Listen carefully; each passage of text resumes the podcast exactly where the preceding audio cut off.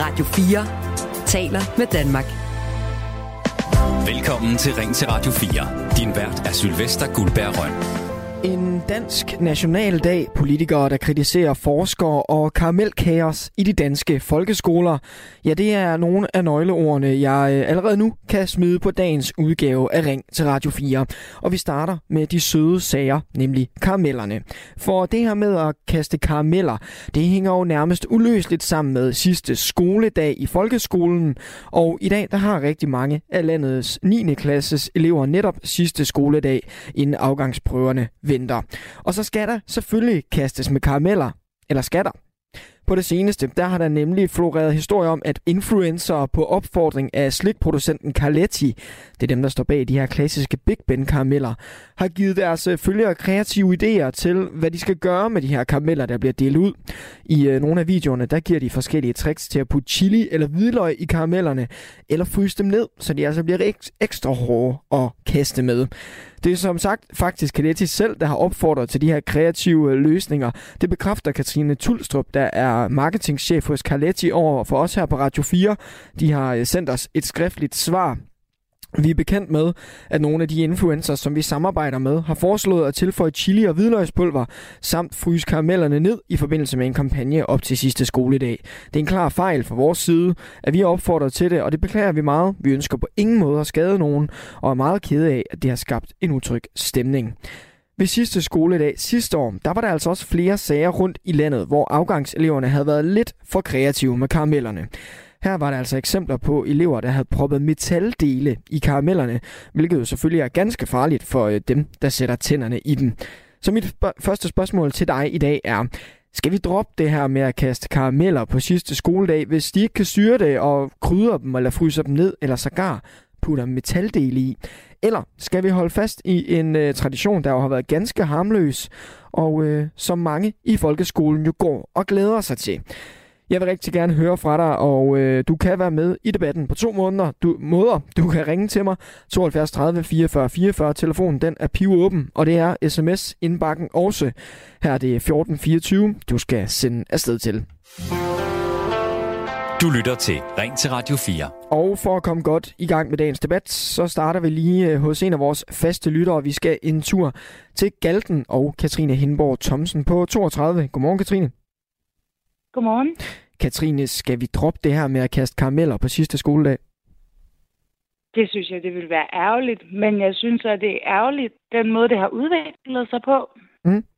Øhm, og jeg ved ikke, hvordan man ellers ville kunne styre det. Altså, om det er skolen, der så skulle uddele karameller til eleverne, eller ja, for at undgå det. Ja, det her, du synes, det vil være ærgerligt at droppe det. Hvorfor det? Fordi det er jo noget, mange af de mindre børn glæder sig til. Og det har jo altid været en, en tradition, at man klæder sig ud, og så kaster man de karameller. Men der er jo bare altid nogen i nogle af de 9. klasser, der enten har frosset dem ned, eller kylet dem, eller kastet dem lidt for hårdt mod øh, de mindre børn. Og mm. det er jo også synd. Mm. Fordi at, ja, det er jo bare en festdag for de store og små.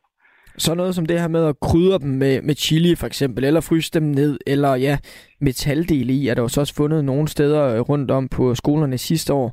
Synes du, det er, øh, synes du, det er alvorligt, eller er det sådan drengestreger? Det er voldsomt. Mm. Og det er selvfølgelig overhovedet ikke acceptabelt. Det kan jo være livsfarligt næsten. Mm. Og hvad tænker... Og jeg, jeg, ej, værsgo. Hvad tænker du om det her med, at det også var, øh, ja, altså den her historie med Carletti, altså dem, øh, der producerer de her Big Ben karameller, vi alle sammen øh, kender, at, at de også har været ligesom medvirkende til, at, øh, at øh, ligesom at presse på for at lave de her, ja, de vil nok kalde det narestreger. Ja, det er jo næsten endnu værre, fordi det giver jo bare nogle, det er jo printe nogle dårlige idéer ind i hovedet på nogle unge mennesker. mm. Og hvad, hvad, hvad... Men jeg synes, altså, jeg synes, de har, taget, de har jo sagt, eller trukket det tilbage. Mm. Og nu var du lidt selv inde på det her med, at, at det ikke skulle forbydes, øhm, fordi du, du synes, det er vigtigt. Hvad, hvad tænker du om, øh, altså hvad tænker du, løsningen kunne være? Jamen, jeg, jeg ved det ikke, fordi at der er jo altid nogen, der vil snyde og selv have taget nogle karameller med. Mm. Og der vil jo altid være nogen, der prøver at finde de der huller, øh, hvis de virkelig vil eller mor sig over at gøre små børn ondt. Mm. Øhm, og det synes jeg også, det er forfærdeligt. Altså, hvem synes, det er sjovt at få en nål i munden? Mm. Og skal, altså, det kan jo... Nej, jeg forstår det slet ikke. Mm.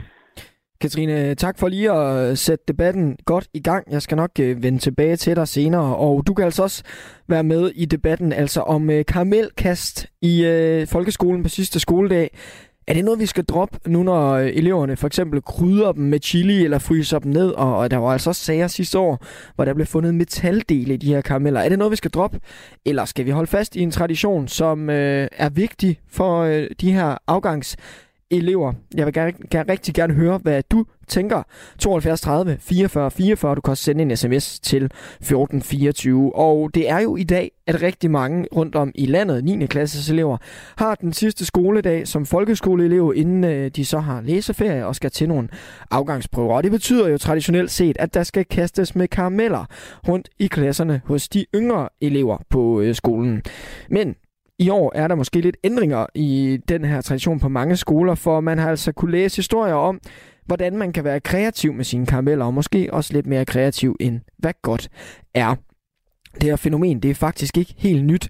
Sidste år, der var der flere eksempler på, at der var fundet metaldele i karameller på skolerne rundt i Danmark. Det førte blandt andet til en politianmeldelse, fordi der på en skole i Aarhus blev fundet en karamel med nål i. Og på en øh, skole i Lundby på Sydsjælland, der fandt man øh, også en karamel med nål i, ligesom nogle af karamellerne var byttet ud med gær eller bouillonterninger. Og øh, nu skal vi høre, hvad skoleeleverne selv synes. I hvert fald, hvad du synes, Maria Holt Hermansen. Velkommen til Ring til Radio 4. Mange tak. Du er formand i Danske Skoleelever. Er den her tradition så vigtig, at øh, man skal altså at man, man skal se det her overhøre, at der er nogen, der ikke kan styre det? Ja, jeg skal lige starte med at beklage. Jeg sidder i et tog, så det er helt okay. så altså derfor, jeg, jeg gør mit bedste. Um, jeg synes, at, at det her med karamelkast, det er en virkelig, virkelig vigtig tradition, vi har ude på skolerne. Det betyder rigtig meget for rigtig mange fællesskaber, og det er sådan en kerneminde for rigtig mange elever. Vi skal selvfølgelig ikke uh, sidde de her udfordringer overhøre, og selvfølgelig skal man finde nogle gode løsninger på det her ude på skolerne. Jeg synes, det er vigtigt at være opmærksom på, men jeg synes ikke, man skal gå så vidt som til at sige, at fordi der er nogle elever, der ikke kan finde ud af det, så kan, så kan det store fællesskab ikke få glæde af den her tradition. Mm. Men hvorfor er det så vigtigt, det her med at have retten til at kaste nogle karameller ud til de mindre elever? Jamen, det er jo ikke fordi, at vi snakker om en ret til at kaste med karameller, men vi snakker om en ret til, til et fællesskab, og, og vi snakker om et ønske og behov for lige nu i, i, ude på vores skoler, at vi har nogle fællesskaber med hinanden og nogle, og nogle positive oplevelser. Og det betyder altså også, at der skal være ja, tid og plads til, at man som elever har mulighed for at for eksempel kaste karameller på, på 9. klasse sidste skoledag. Det synes jeg ikke, man skal fratages muligheden fra, bare fordi der er nogen, der ikke kan finde ud af det. Mm. Men hvad tænker du om, om både de her historier, hvor Carletti har været ude og opfordre til, at man, man piller lidt ved karamellerne, men også de her lidt mere ekstreme tilfælde, hvor øh, altså der er fundet nåle i karamellerne? Det er selvfølgelig på ingen måde okay, og jeg synes også, at man som stor karamelkoncern for eksempel øh, har et kæmpestort ansvar for at sikre, at, øh, at det her det bliver en god dag for alle. Jeg synes, det er vigtigt, at man ude på skolerne har så tager en snak om, hvad er det for nogle rammer, vi kaster karameller indenfor. Hvad er det for nogle sanktionsmuligheder, der er, hvis man ikke overholder øh, de her regler. Øh, så vi i fællesskab kan finde en måde, hvor det, hvor det skal være trygt for alle. Fordi jeg forstår godt, at, at når der er, er nok elever rundt omkring på landets skoler, der har fået nål i munden, at man så bliver nødt til at sige, at nu stopper lejen. Mm. Øh, og derfor så bliver vi jo nødt til at finde en holdbar løsning på det her. Mm. Men de her eksempler, som jo, altså man så flere eksempler på det rundt om i landet sidste år, og nu er der så igen øh, ja, øh, fokus på det, fordi Carletti så øh, går ud og, og laver en fejl, som de selv kalder det. Mm. Er det ikke et tegn på, at øh, de her øh, folkeskoles afgangselever, altså, de, de kan åbenbart ikke styre og, og kunne kaste karameller? Altså, jeg tror, det er virkelig vigtigt at huske på, at det er et meget, meget, meget lille mindretal af elever, som, der, som, som bare kommer på de her idéer. Og så, og så bliver det selvfølgelig blæst op, fordi det bliver en nyhed. Og det er selvfølgelig vigtigt at formidle den nyhed. Øh, men omvendt så kan det jo også øh, give rigtig gode idéer. Mm. Øhm, og der tror, jeg, der tror jeg virkelig, det er vigtigt, at man, at man sørger for ligesom at sige, at det her det handler også om, at vi lige sætter nogle fælles retningslinjer ude på skolerne. At vi lige snakker om, hvordan bliver det her en god dag. Afleverer man måske lige karamellerne et par dage før. Og så snakker om forældreansvaret. Altså, hvis en søn har gang i en eller anden vild karamelfabrik hjemme på spisebordet, så kunne det jo være, at man skulle mm. overveje prikker på skuldrene og sige, de her skal nok ikke lige med i skole. Mm. Men er vi så ikke også et sted hen, hvor der bliver så mange regler og øh, ja, hvad kan man sige, undtagelser omkring øh, noget så banalt som at kaste karameller, at, at man måske bare skulle sige, ved hvad, det gør vi ikke? Jeg synes, øh, for det første så er det vigtigt, at det ikke bare bliver strenge regler, der bliver forvirrende. Altså, det, det skulle jo gerne være sådan, at alle bare tænkte, har jeg lyst til selv at få den her karamel? Og hvis man tænker nej, jamen, så, så kaster man den ikke. Så jeg synes faktisk, det er ret simpelt. Øhm, øh, men, men jeg synes faktisk, at man skal gå langt for at fastholde en tradition, som der betyder så meget for så mange elever. Det er jo en del af vores kultur og vores tanker om at gå i skole og være ung.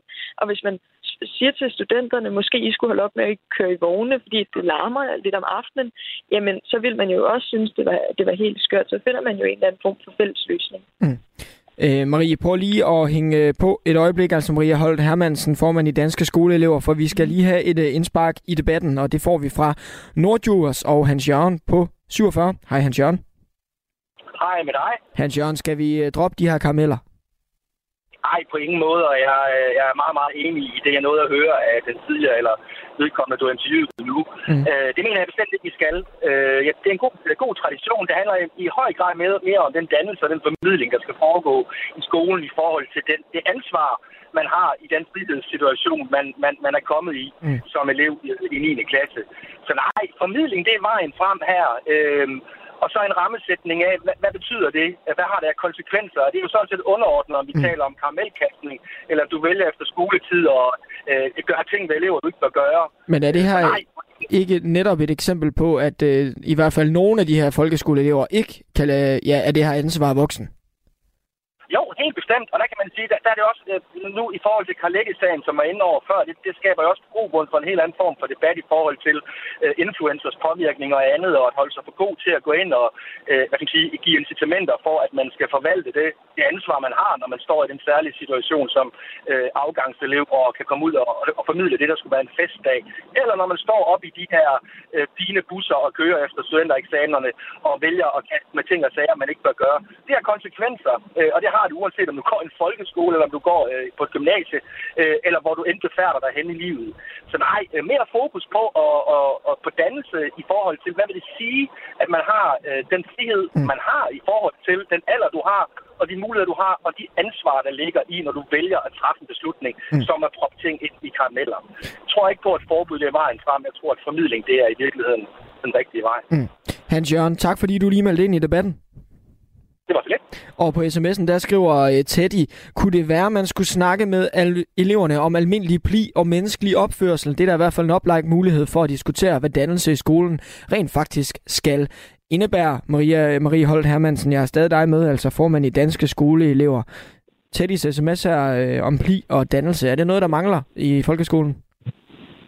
Jeg tror øh, helt klart, at, at det er vigtigt at holde fast i, hvad er det, vores folkeskoles formål er. Og det er jo at danne os elever. Jeg tror, man rigtig hurtigt kan komme til at lave forbud øhm, øh, generelt i vores skole, i stedet for rent faktisk at holde fast i, i hvad formålet er. Øh, fordi det jo trods alt er sværere at danne, end det er at lave et forbud.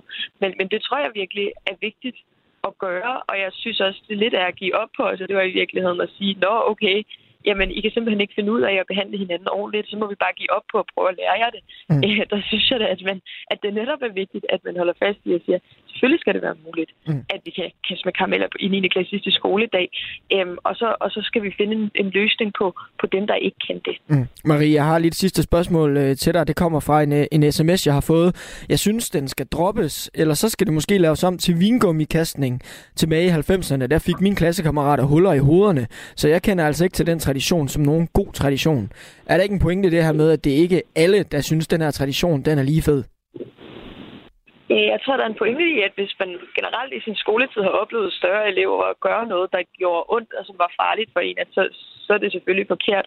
Men, men det er jo langt de største, altså størstedelen af elever, der har det her som hvor at der bliver jævnligt karameller også tilbage i 90'erne, jamen der har man jo sådan en helt anden opgave i de fællesskaber, der er blevet skabt derude, mm. som jeg tror bunder i noget meget andet end nogle frosne karameller, og i højere grad i, at man mangler at have lyst til at være ordentlig over for hinanden. Mm. Marie Holt Hermansen, tak fordi du var med i Ring til Radio 4 i dag. Selvfølgelig.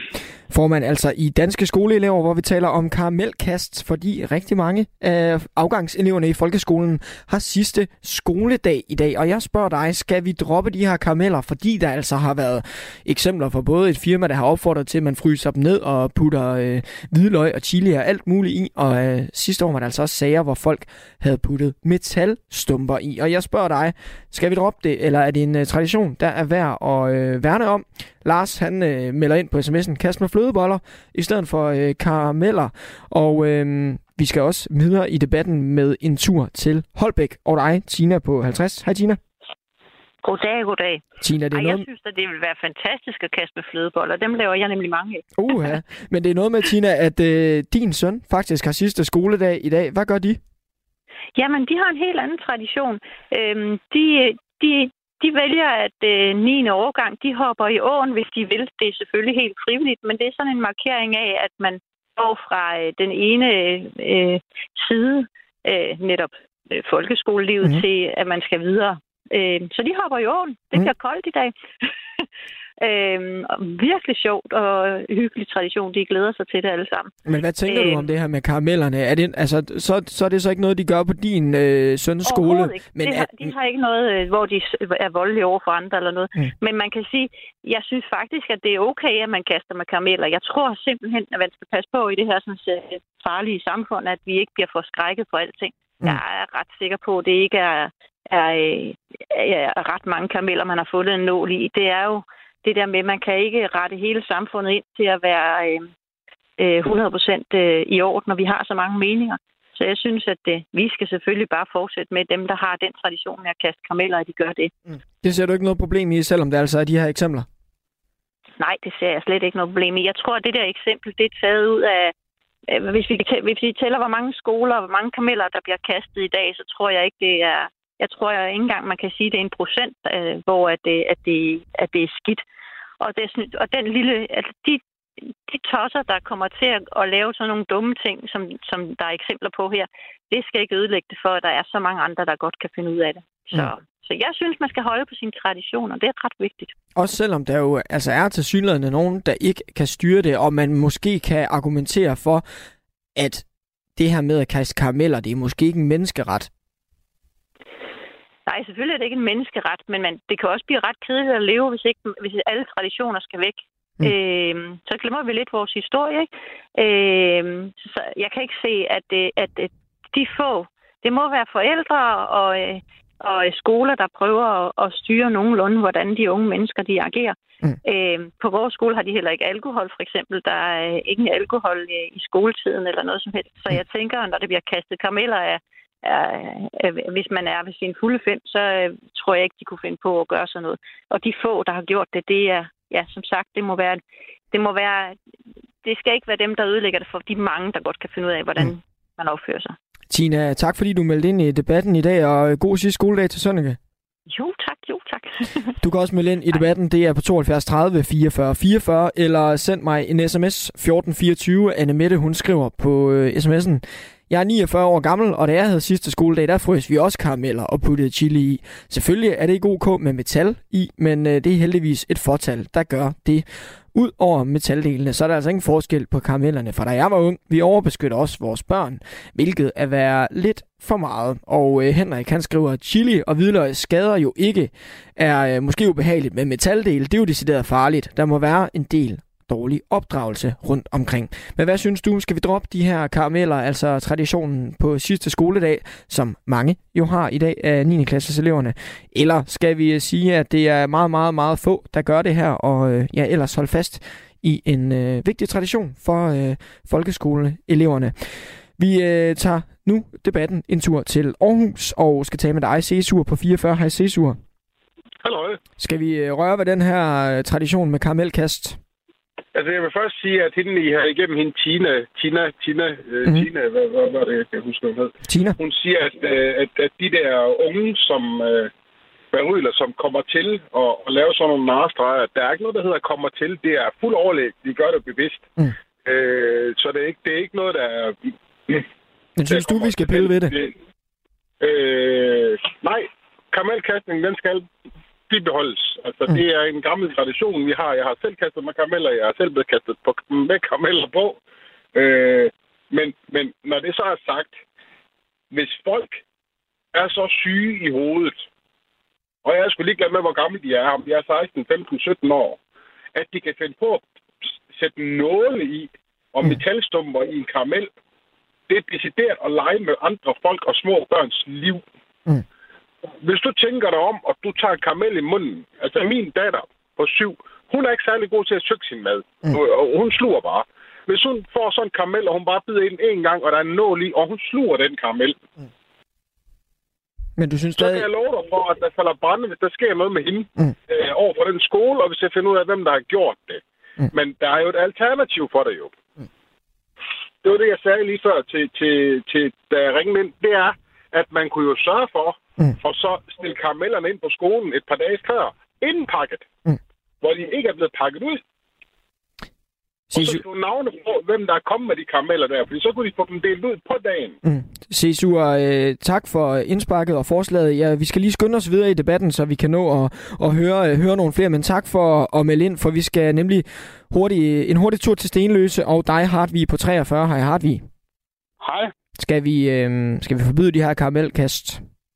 Altså, det, det synes jeg ikke, at vi skal som samfund. Altså, jeg synes, det skal være op til skolerne og, og skolebestyrelserne, hvordan de vil afholde traditionerne. Mm. Jeg kan huske dengang i 90'erne, da jeg gik i skole, også i Stenløs, øh, der øh, var der et år, hvor der ikke var karameller på skolen. Fordi året før, der øh, var der blevet skiftet øh, karameller ud med sæbe.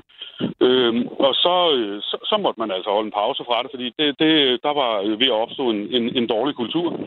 Og det er jo sådan øh, øh noget, som, som øh, øh, elever og, og, og forældrebestyrelse og, og skole øh, så kan snakke sammen om og, og få forklaret, at det er jo fuldstændig uacceptabelt, at man gør sådan noget øh, på, på, en, på en festdag. Øh, og, og så øh, komme tilbage på sporet igen. Mm. Øhm, og det er jo det, der skal, der skal bare lokalt ansvar til, at man, øh, du ved, øh, værner om at holde det på en måde, man gerne vil. Mm. Men traditionen, den er værd at værne om. Ja, det synes jeg. Altså, så kan man så diskutere, om man skal købe Carletti øh, mm. øh, eller om man lige skal, skal øh, give dem en, en økonomisk huskekage ved at, ved at fravælge dem. Øh, fordi at det, det synes jeg jo, at det, der er det tragiske i den her situation, det er, at der er et øh, firma, der går ud og, og, og opfordrer til, mm at man skal øh, sådan, øh, du ved, øh, gøre skade på andre. Det skal jo lige øh, for en god ordens skyld siges, at øh, Carletti har været ude og, og beklage, og det er kendt, det var en fejl. Men, øh, men tak fordi du, du meldte ind i debatten, Hartvig. Ja, det var så lidt. Og øh, vi slutter debatten om karamelkast tilbage ved vores øh, faste lytter, Katrine Hindborg Thomsen øh, i Galten. Katrine, øhm, der er jo nogen, der kommer med de her forslag med, at, at skolerne måske kunne tage lidt mere ansvar, altså øh, måske sørge for at udlevere karamellerne, men så kunne man så holde fast i traditionen. Hvad siger du til sådan et forslag?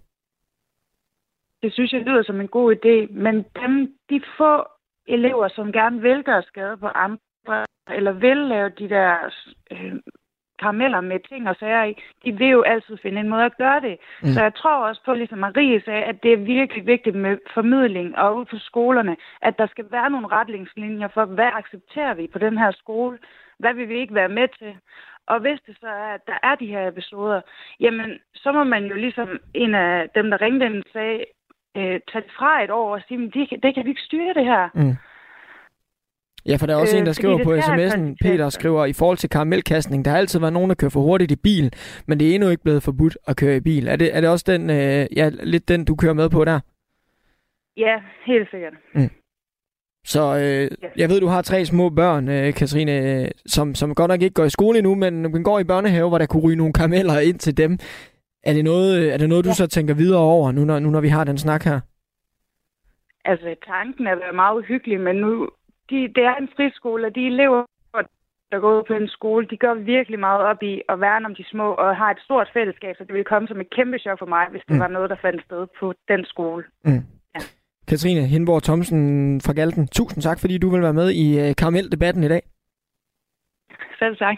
Og øh, om et øjeblik, så er der nyheder, og efter det, så skal vi altså have gang i dagens anden debat. Og øh, jeg kigger lige ned i hjørnet af min skærm, hvor der står, at det i dag er den 17. maj. Og hvis øh, du ikke vidste, hvad det betød, ja, så er det fordi, det er øh, Norges nationaldag. Vores norske naboer, hvor de fejrer, øh, fejrer sig selv, fejrer deres land, og det gør de altså i hele Norge, og faktisk også mange steder i Danmark. Men Herhjemme, der har vi jo ikke nogen nationaldag som et af blot to lande i hele verden. Så mit næste spørgsmål til dig er, skal vi have en nationaldag i Danmark, som eksempelvis i Norge? Ja, det vil jeg gerne høre din holdning om. 72 30 44 44. Du kan også sende mig en sms. Det er på 14 24. Radio 4 taler med Danmark. Du lytter til Ring til Radio 4. Din vært er Sylvester Guldberg Røn. Og i dag, der skriver kalenderen den 17. maj, og det betyder, at du måske kommer til at høre den her sang i løbet af dagen.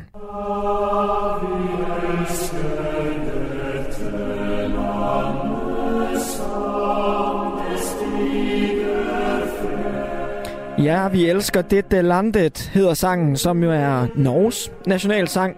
Og i dag, der er det Norges nationaldag.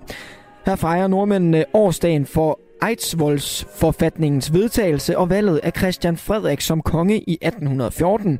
Nogle få måneder tidligere, der var Danmark ved freden i Kiel blevet tvunget til at afstå Norge til Sverige, og dermed var 400 34 års forening mellem Danmark og Norge formelt brudt. 17. maj, altså i dag, det bliver på behørig vis fejret med parader, optog og øh, fester rundt om i hele Norge, hvor de fejrer nationaldagen i deres velkendte nationaldragter. Det er dem her, der hedder en bynat, men øh, det er altså ikke kun i Norge, at dagen bliver markeret. I Tivoli i København for eksempel, der fejrer de nationaldagen, og det gør flere biblioteker og kirker og alt muligt andet rundt om i det danske land også. Vores øh, norske naboer, de giver den altså med andre ord gas på deres nationaldag, men det gør vi ikke, for vi har ikke nogen. Danmark er det eneste land sammen med Storbritannien i øvrigt, som øh, ikke har en nationaldag. Vores grundlovsdag den 5. 5. juni, det er ikke en nationaldag. Nu vel, mange har fri, men det er i så fald overenskomst bestemt.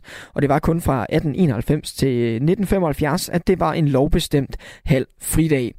I 2020 der fremlagde en række danske politikere, øh, ja, en række politikere fra Dansk Folkeparti et beslutningsforslag om at indføre en nationaldag i Danmark. Her øh, foreslog de at gøre Valdemarsdag den 15. juni til øh, Danmarks nationaldag. Det blev bekendt øh, som bekendt ikke til noget. Men på dagen, hvor vores norske naboer, de øh, altså fejrer sig selv og fejrer sit land, så tager vi debatten. Skal Danmark have en nationaldag, som for eksempelvis i øh, Norge, hvor vi øh, fejrer os selv og fejrer danskheden? Eller er det lidt en øh, dyr idé, som vi sagtens kan klare os uden? Jeg vil jeg rigtig gerne høre din øh, holdning til 72 30 44 44, eller øh, du kan også sende mig en sms på 14 24, og øh, ja, det kan du øh, passende gøre nu. Du lytter til Radio 4. Og vi skal godt i gang med nationaldagsdebatten, når vi starter i Aalborg. Og dig, Anders Hovgaard, på, øh, fem, øh, på 35. Hej, Anders. Goddag, goddag. Anders, skal vi have en nationaldag i Danmark?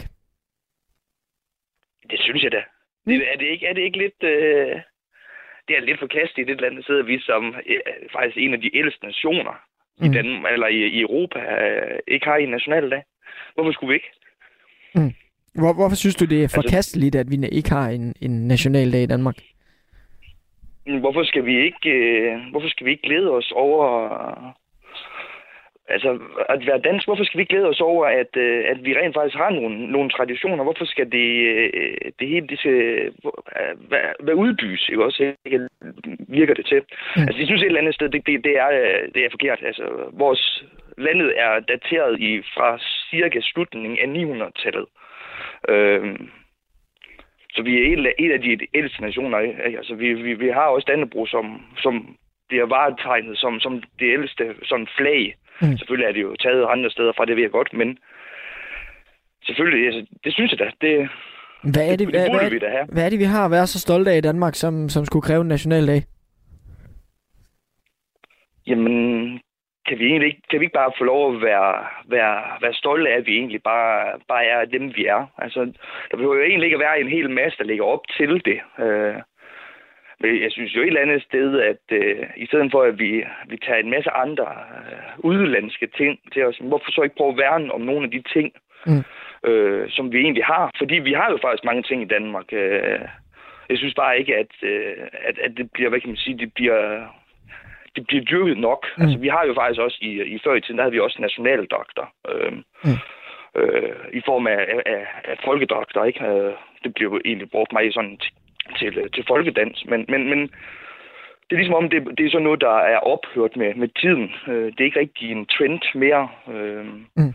Og så går det lidt i glemmebogen. Og så, så har vi, vi har lidt en mani med at, at følge andre øh, mm. kulturers øh, strøm, i stedet for at prøve at, at rodfeste os lidt. Vi er, og, vi, jeg synes, vi er lidt bange. Og det handler ikke bare om, Anders, at, øh, at du gerne vil have en, en, en, en fridag, en helligdag tilbage, nu hvor stor bededag er råd.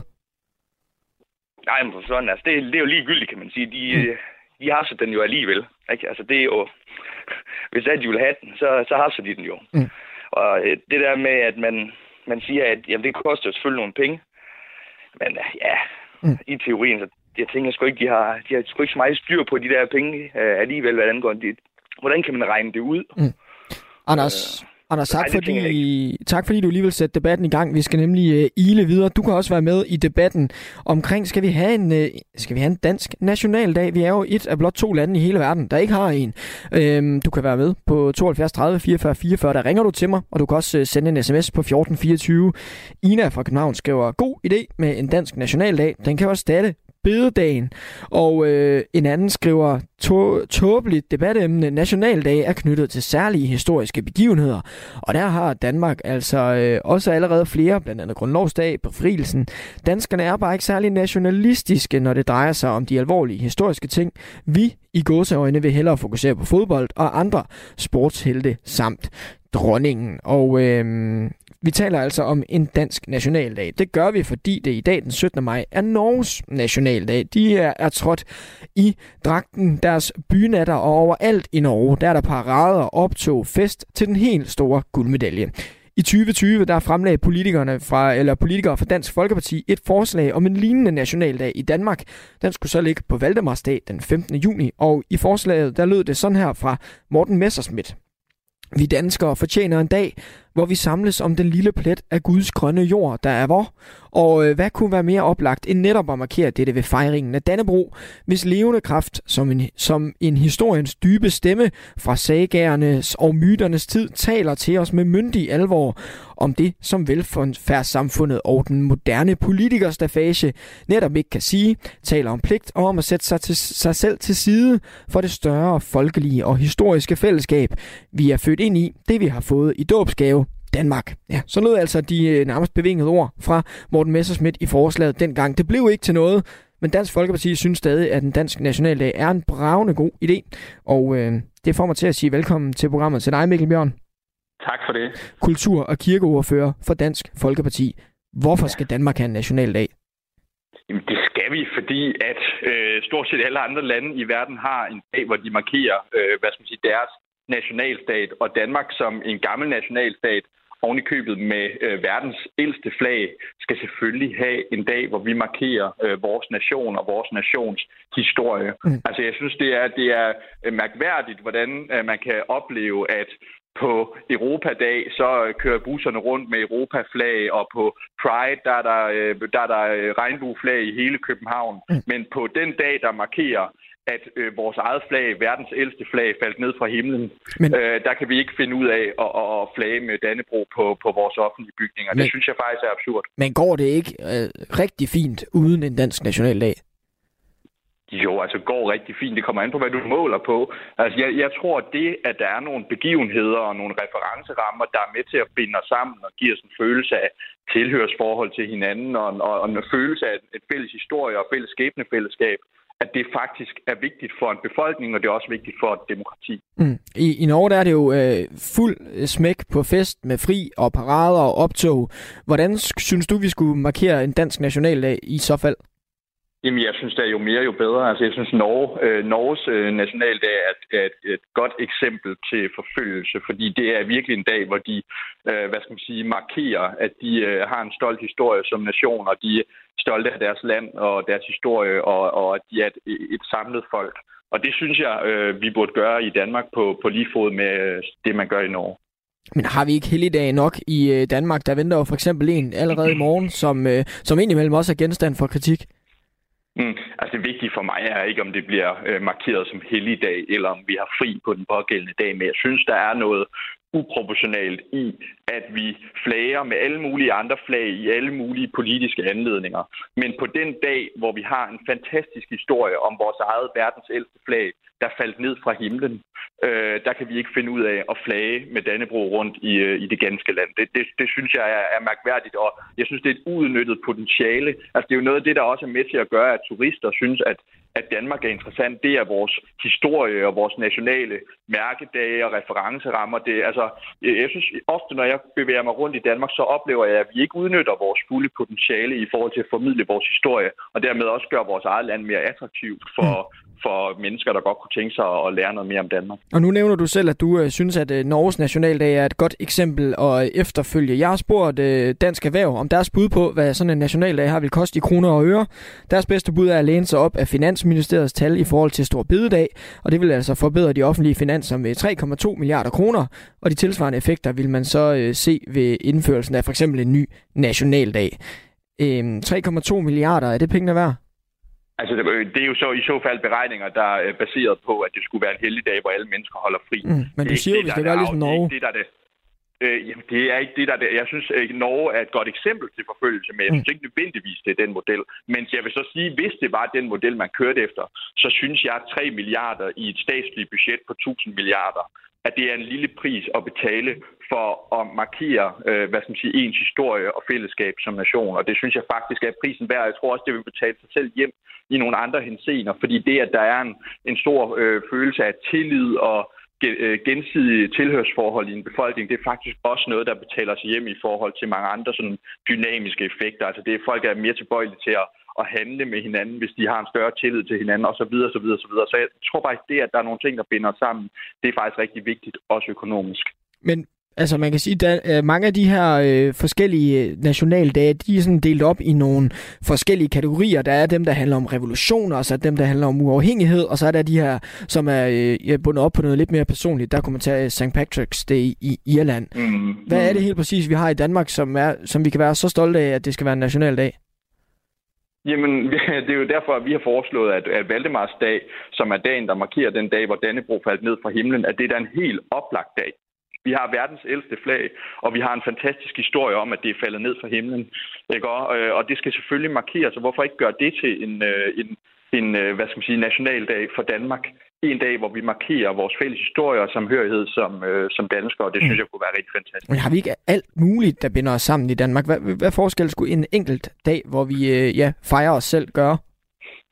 Altså, det er jo aldrig de enkelte elementer, der gør det hele. Altså, ligesom, det er jo heller ikke Jellingestenen, der binder danskerne sammen, men derfor er den der med til at gøre det.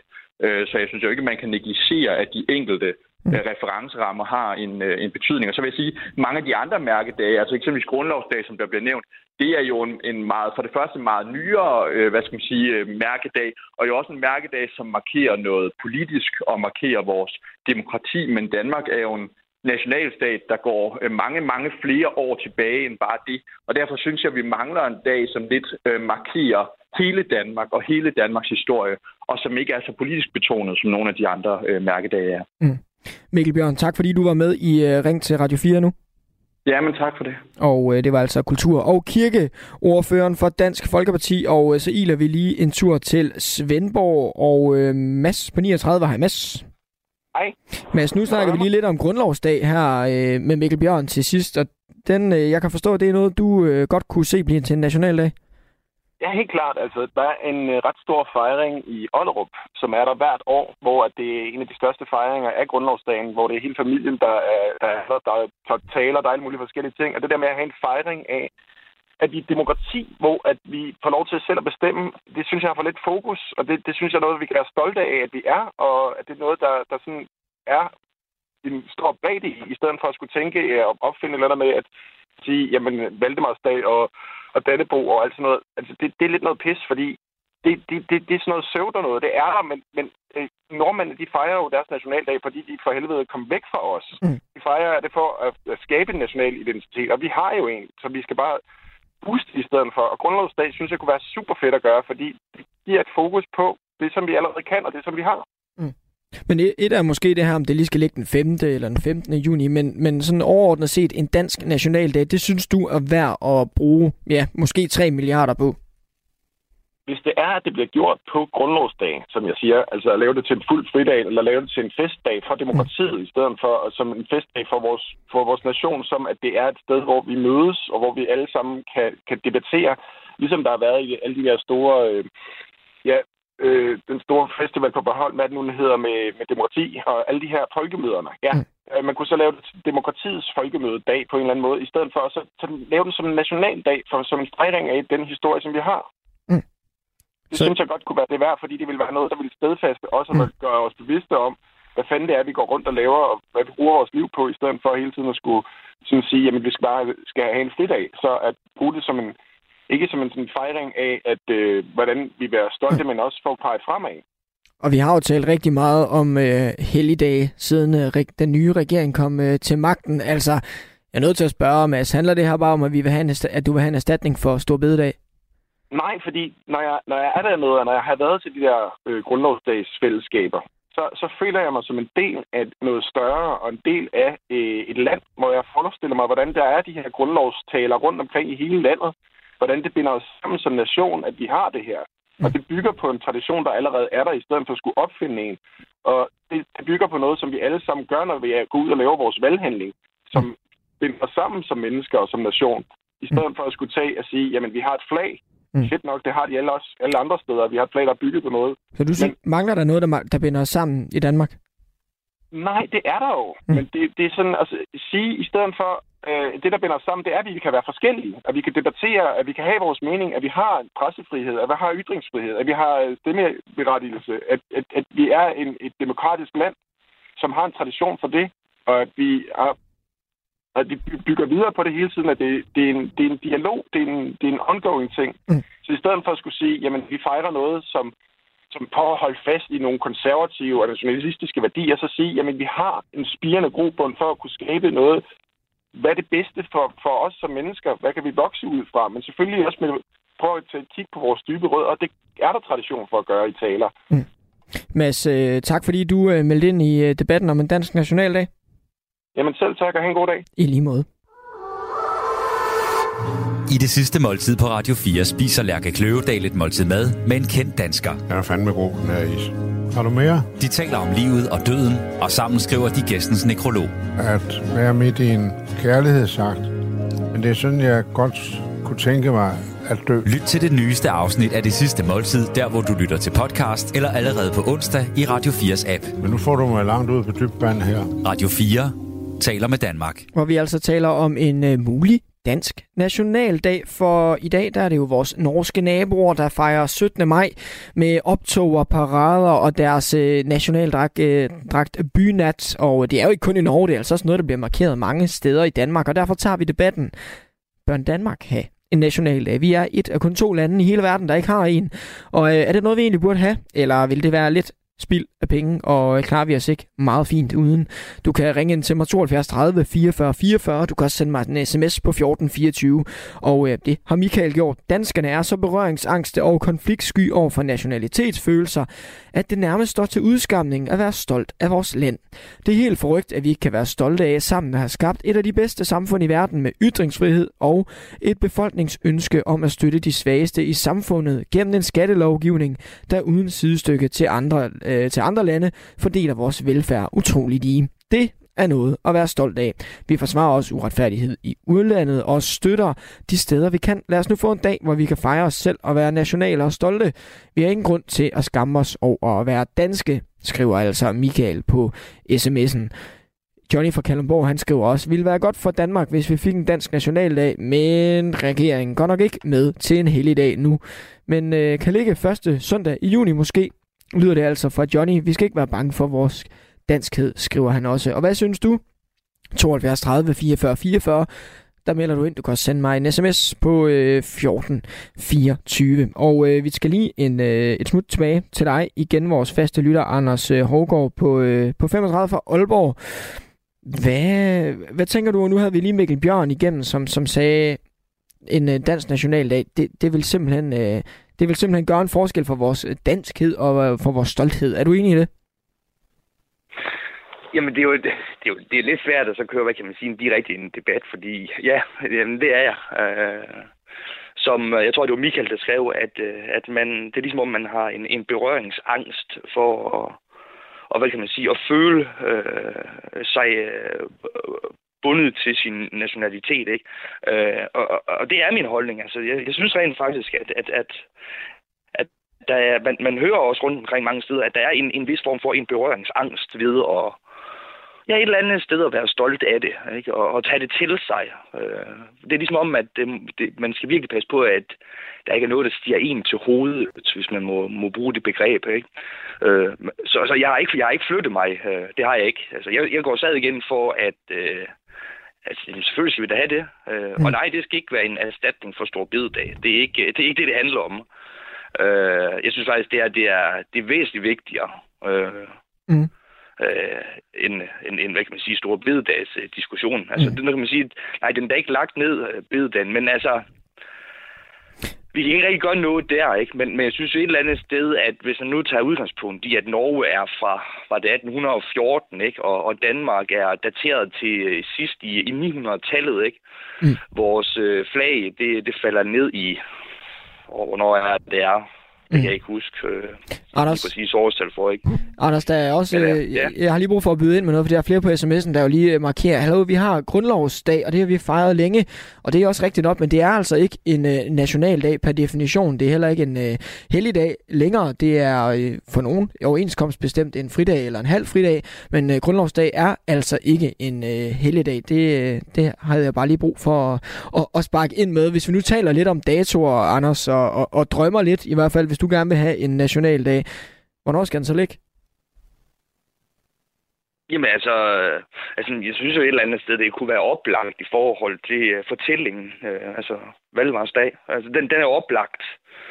Jeg hørte også, der var en, der nævnte, at det skulle være en, en, en søndag. Uh, altså, det kan jeg også. Altså, det er, for mig der handler det jo ikke decideret om, at, at vi skal have en, en, en, en fuld fridag. Uh, det, det er ikke det, det handler om men altså, jeg synes, der er et eller andet sted, at man kan da godt, man kan, man kan da snilt have en, en dag, øh, hvor det er, at man, øh, at man, man i, øh, i folkemunde taler om en, en national dag øh, mm. for Danmark. Øh, mm.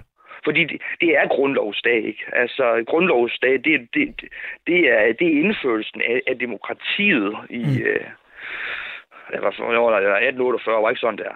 Og som jeg nævnte før, Anders, så kan man... Undskyld så kan man ligesom dele verdens nationaldag ind i tre kategorier. Der er de her store revolutions- og foreningsfester. Det kunne være Kina og Tyskland og Rusland. Så er der de store uafhængighedsdage. Lande, som tidligere har været kolonier, eksempelvis USA. De har jo deres Independence Day. Og så er der også de her lidt personlige øh, nationaldage. For eksempel i Irland, hvor de holder øh, St. Patrick's Day om St. Patrick, der jo ifølge legenden bragt kristendommen til Irland. Altså, vi, hvis vi ikke vi har det her, den her store person, vi gerne vil hylde, eller den store afhængighed, eller den store revolution og forening, hvis ikke vi har det i Danmark, er det så ikke bare færre at sige, jamen, så skal vi heller ikke have en nationaldag? Jeg synes, det er... Altså, altså, altså det, det, det egentlig handler om, lyder det til også i forhold til de andre, det, det er, at det, det bygger op omkring noget. Ikke? Altså, mm. øh, hvor, hvorfor ikke bare bygge det op omkring det, det egentlig handler om? altså vores nation. Det, det, det sådan set det. Det behøver ikke at være øh, dække op om, om en eller anden, en, en eller anden helgen, øh, eller en eller anden anden ting. Øh, det bestemmer man jo selv, ikke? Altså, men, men en nationaldag, der tænker jeg, så, handler det om nationen, ikke? Altså, og så vores, øh, vores øh, værdigrundlag, ikke? Altså, det synes jeg, der er et eller andet sted, det, det ligger der til, til højre ben. Vi behøver jo ikke, vi behøver ikke at skal, skal fejre en eller anden helgen herhjemme. Øh, at de gør det i Irland, jamen, det, det, det er jo det. Jeg synes, det er jo fint, ikke? Mm. Hvad det er, de øh, gør i Norge, at de løsrev sig, øh, fik lov at, at få deres sejre i, i, 18, i 1814, ikke? Men det, der er der jo også noget der, men, men vi har jo bare en, en altså, uanset hvordan, hvorledes vi drejer mm. den, ikke? Altså, så, så har vi jo stadigvæk en, en historie i Danmark, øh, Anders, jeg også... Altså, der er jo mange både godt og skidt, så, så, så jeg synes helt sikkert, at vi skal, vi skal selvfølgelig have den, ikke? Altså, mm. altså Danmark har jo også haft... Øh, vi, vi har jo stadigvæk øh, også en, en vis form for en folkedragt, mm. øh, ligesom nordmænd har, i form af, øh, altså, hvad kan man sige, fol folkedansedragten, ikke? Mm. Men Anders, jeg er simpelthen lige nødt til at stille et, øh, et lidt øh, kedeligt spørgsmål, kan man sige, og det er jo det her med, med regningen. For jeg har som sagt øh, spurgt Dansk Erhverv i, øh, i forhold til hvad deres bud på, hvad det vil koste, og der har de jo, øh, ja, svaret mig, eller det har Christian Skriver, seniorøkonom i Dansk Erhverv, øh, sagt, at deres bedste bud det er at læne sig op af Finansministeriets tal i forhold til Stor Bededag. Og der er det jo øh, altså nogle tal, der siger, at det vil forbedre de offentlige finanser med 3,2 milliarder kroner. Så de tilsvarende effekter, så kan, dem vil man jo så måske kunne se ved indførelsen af en ny helligdag, altså en nationaldag. 3 milliarder kroner. Er det pengene værd? Jamen, det er da, det er da et minimalt dyk i forhold til, ikke, altså, hvordan var det var? Var det over 1000 milliarder, eller hvordan var det? Altså, det er jo ikke, det er jo ikke at vi har i løbet af et år, ikke? Altså, det er jo ikke, det er jo et lille dyk øh, for et eller andet sted at, at, at værne omkring nogle, nogle, nogle fælles, øh, forhåbentlig fælles værdier. Mm. Øh, og så er der selvfølgelig nogle, nogle, nogle enkelte personer indimellem, der synes, det er fuldstændig galimatias at bruge øh, både tid og, og mm. penge på sådan noget. Men, men jeg tror et eller andet sted, at man som nation vil få få noget ud af det, ikke? Og, mm. og have i hvert fald en, en, en, en, et fælles fodslag i en eller anden retning. Anders, jeg er nødt til at afbryde dig her, fordi vi har nogle nyheder, der venter, og øh, dem skal vi lige give plads til, men jeg skal nok vende tilbage til dig. Og mens nyhederne er på, så kan du jo ringe ind til mig 72 30 44 44, eller sende en sms 1424. Skal Danmark have en øh, nationaldag? Det kan du tænke over. Nu er klokken 10. Radio 4 taler med Danmark. Du lytter til Ring til Radio 4. Din vært er Sylvester Guldberg Holm. Og lidt senere i den her time, der skal vi tale om det i jorden, at politikerne så tvivl om forskers pointer, men inden da, så taler vi altså videre om Dagen i dag, 17. maj, det er jo Norges nationaldag, hvor øh, de fejrer sig selv på behørig vis med parader og optog og fester rundt i hele Norge. Og øh, der fejrer de altså nationaldagen i den her, du kender den nok, den her velkendte nationaldragt, en bynat. Det er ikke kun i Norge, at det går vildt for sig, det gør det altså også flere steder her i Danmark, at, øh, hvor dagen bliver markeret. Blandt andet i Tivoli, hvor de laver stor nationaldagsfejring, øh, den norske nationaldag. Og det gør øh, biblioteker, kirker og andet også rundt om i hele landet. I 2020 der øh, fremlagde en række politikere fra Dansk Folkeparti et beslutningsforslag om at indføre en nationaldag i Danmark. For det har vi altså ikke. Som et af kun to lande i hele verden har vi ikke en nationaldag. Vi har, ja, vi har dage som grundlovsdag for eksempel, men det er altså ikke en nationaldag. Og Dansk Folkeparti, de foreslog, at det skulle være Valdemarsdag den øh, 15. Juni, der skulle laves om til det. Så derfor så diskuterer vi her i Ring til Radio 4, skal Danmark have en nationaldag, som for eksempelvis øh, Norge, hvor altså vi kan fejre os selv og øh, danskheden, eller er det en dyr idé, som vi jo øh, klarer os i øvrigt rigtig fint ude, uden. Det vil jeg rigtig gerne høre din holdning til 72 30 44 44, og øh, du kan også sende mig en sms på 1424.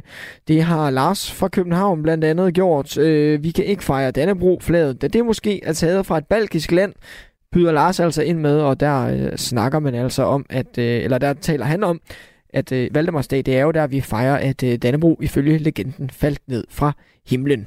Anja skriver, jeg synes, det er en rigtig god idé med nationaldag. Det kunne jo så være en fridag for alle, og på den måde så har vi vundet stor bededag tilbage. Der er også mange, der byder ind med grundlovsdag. Øh, Inger blandt andet. Vi har altid fejret grundlovsdag. Da jeg var barn, der var jeg med mine forældre til grundlovsmøde. Og Michael fra Kolding skriver, jeg, øh, vi skal ikke have en nationaldag, vi skal bare gøre 5. juni, altså grundlovsdag, til nationaldag. Jeg vil gerne høre, hvad du tænker. Øh, 72 30 44 44. Du kan også sende mig en sms på 14 24. Radio 4 taler med Danmark. For Norge har en, USA har en, Brasilien har en, Sverige har en. Ja, faktisk har alle verdens lande på nær Storbritannien og Danmark en. Og øh, jeg taler selvfølgelig om nationaldage. Sådan en har vi ikke, og når det i dag er netop Norges nationaldag, så spørger vi, om vi skal have en, eller om det er en dyr idé, vi godt kan klare os uden. Husk at melde ind på telefonen eller sms'en. Vores norske naboer, de øh, giver den gas i dag. Det tætteste, vi kommer på en nationaldag, jamen det er nok 5. juni, grundlovsdag. Der har nogen nok, øh, der har nogen godt nok fri, andre har en halv fridag, men det er altså mest med overenskomst at gøre, og øh, det var kun i 1891 til 1975, at det var en lovbestemt halv fridag. Men øh, for tre år siden, der øh, fremlagde Dansk Folkeparti altså et beslutningsforslag om at indføre en nationaldag i Danmark, altså Valdemarsdag den 15. juni. Og jeg talte jo lige før med Mikkel Bjørn fra netop Dansk Folkeparti, som var enig i, øh, eller som stadig synes, det var en god idé med en dansk nationaldag. Og nu kan jeg så byde velkommen her i øh, programmet til dig, Peter Yding Brumbæk. Tak skal du have. Historiker og leder af Historielab ved Nationalcenter Videnscenter for Historie og Kulturarvsformidling. Peter, hvorfor har vi ikke nogen nationaldag i Danmark? Jo, men altså, jeg vil jo lige ved at sige, at altså, formelt har vi ikke en nationaldag, men i et eller andet omfang, så har vi jo en dag, der, der næsten fungerer øh, lige sådan. Men når vi ikke har nationaldag, så sådan formelt set, så, øh, så ser vi, England heller ikke havde en. Altså, så kommer det jo, øh, så hænger det sammen med, at nationaldag typisk er noget, hvor man markerer, at man er blevet en selvstændig nation. Og, og vi er jo en, en, et land eller en nation, som folk er blevet selvstændige fra og ikke så meget en, som er blevet selvstændig har et bestemt punkt, vi kan sige, her bliver vi samlet som nation.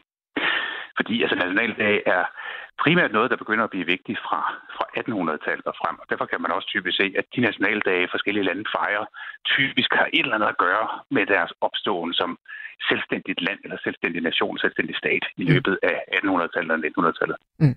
Så hvad, hvad, hvad vil der skulle til for, at, at der, der skulle komme en nationaldag i Danmark? Altså, hvor store ting skulle ske?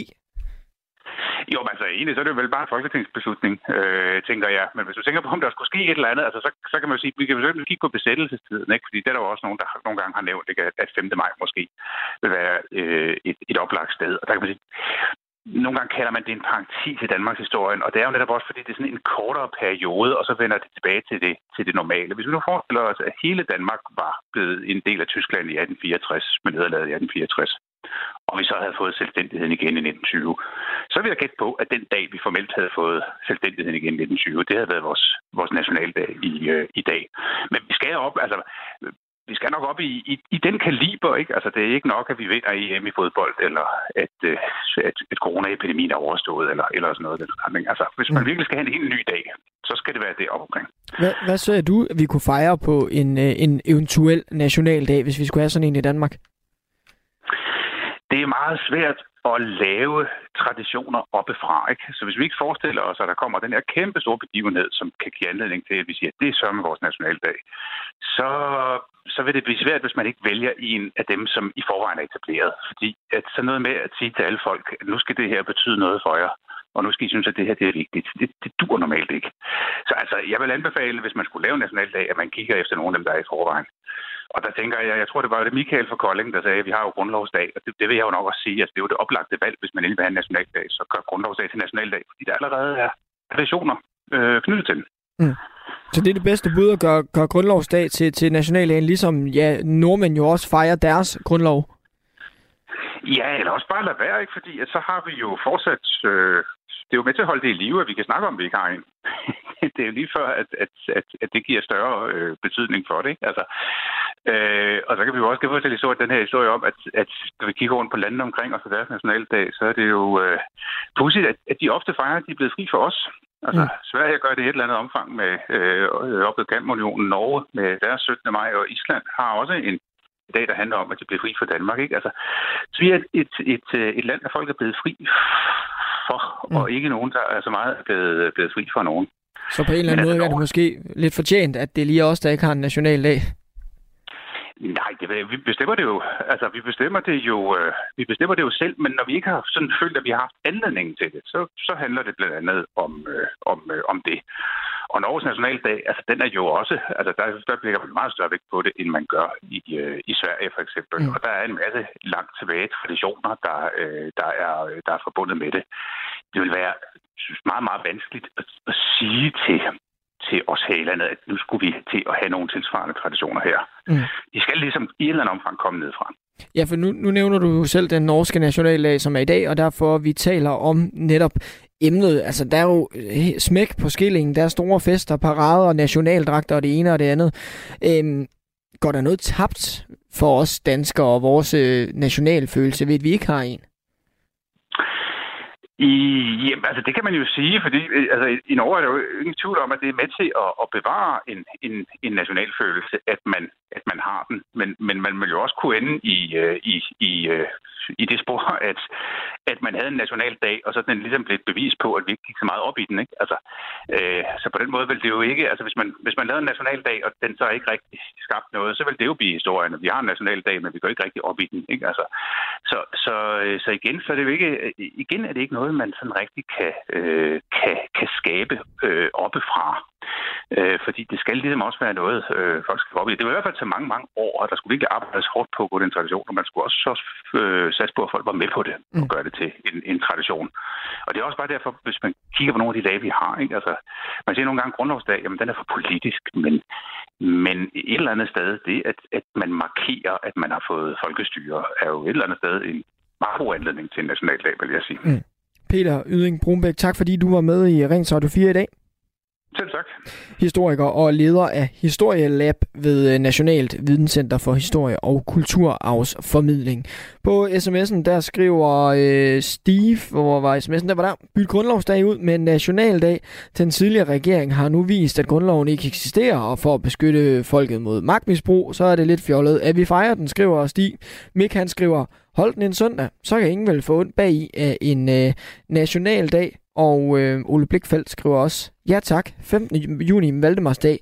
Det er jo selvfølgelig der, hvor vi fejrer vores fane, øh, lyder det altså på sms'en. Og øh, for at lukke debatten godt ned, så skal vi lige en tur til Aalborg igen, og vores faste lytter, Anders Hågård. Anders, vi talte jo lige med øh, historiker Peter Yding Brunbæk her, som siger, Jamen, altså mange af vores omkringliggende lande, de har jo en nationaldag netop for at fejre, at de slapper af med os, og øh, det, det kan vi jo ikke fejre. Er der ikke en pointe der? Jamen er det ikke, altså, er det ikke, er det ikke bare fordi, vi har været en stor nation engang? Mm. Så er det ikke, er det ikke, øh, er det ikke i sig selv værd at, at fejre? Altså jeg ved godt, det lyder måske sådan, altså lidt tåbeligt, at, at der er lande, der, der, der trækker sig. Men, men er, det ikke, er det ikke et eller andet sted grunden nok til det? Altså, det viser jo et eller andet sted om, hvor det er, vi, altså, hvor vi som, som stormagt engang har været. Ikke? Altså, det er jo ikke så meget det der med, at i dag der er vi jo i et, et, et lille samfund i forhold til, til andre. Ikke? Vi kan bare se, at vores naboland Norge ikke, er jo væsentligt større end Danmark selv. Ikke? Altså, så jeg tænker egentlig ikke, det er der, hvor det er. Jeg tænker et eller andet sted, hvorfor ikke... Mm. Altså, jeg synes ikke, det er noget med, at man skal fraskrive sig det i hvert fald. Altså, det, det, det synes det er forkert at sige, at, at de andre, de, at de bliver selvstændige, så er, det grund, så, så, så er det det, det bærende mm. grundlag for, at, at man har sin øh, hvad kan man sige, nationale dag. Ikke?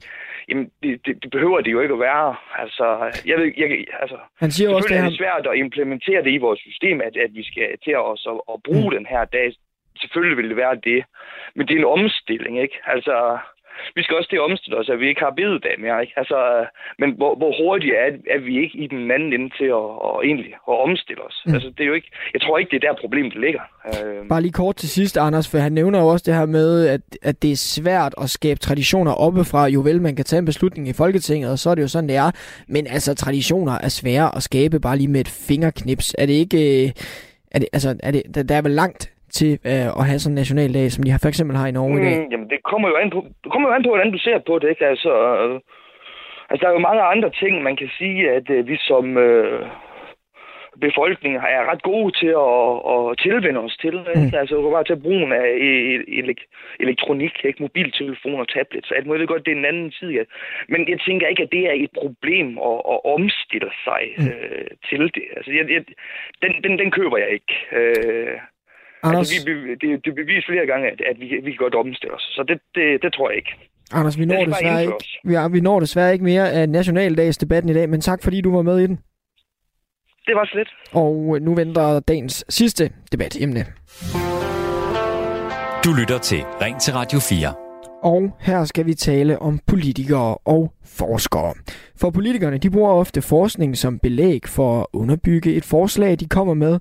Og en gang imellem så tager politikerne også beslutning, der går imod det, som forskningen siger. Men øh, en ting er at tage politiske beslutninger, der ikke er funderet i forskning. En anden ting er direkte at kritisere forskerne. Og det gjorde vores justitsminister Peter Hummelgaard fra Socialdemokratiet, da han i sidste måned udtalte sig til DR om, at han gerne vil hæve straffen for knivoverfald.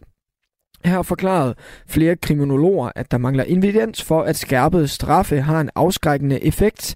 Men øh, Hummelgaard tog ikke den forskning for gode varer og ville hellere lægge sig op af en vurdering fra Rigspolitiet. Helt konkret så formulerede Peter Hummelgaard sig sådan her.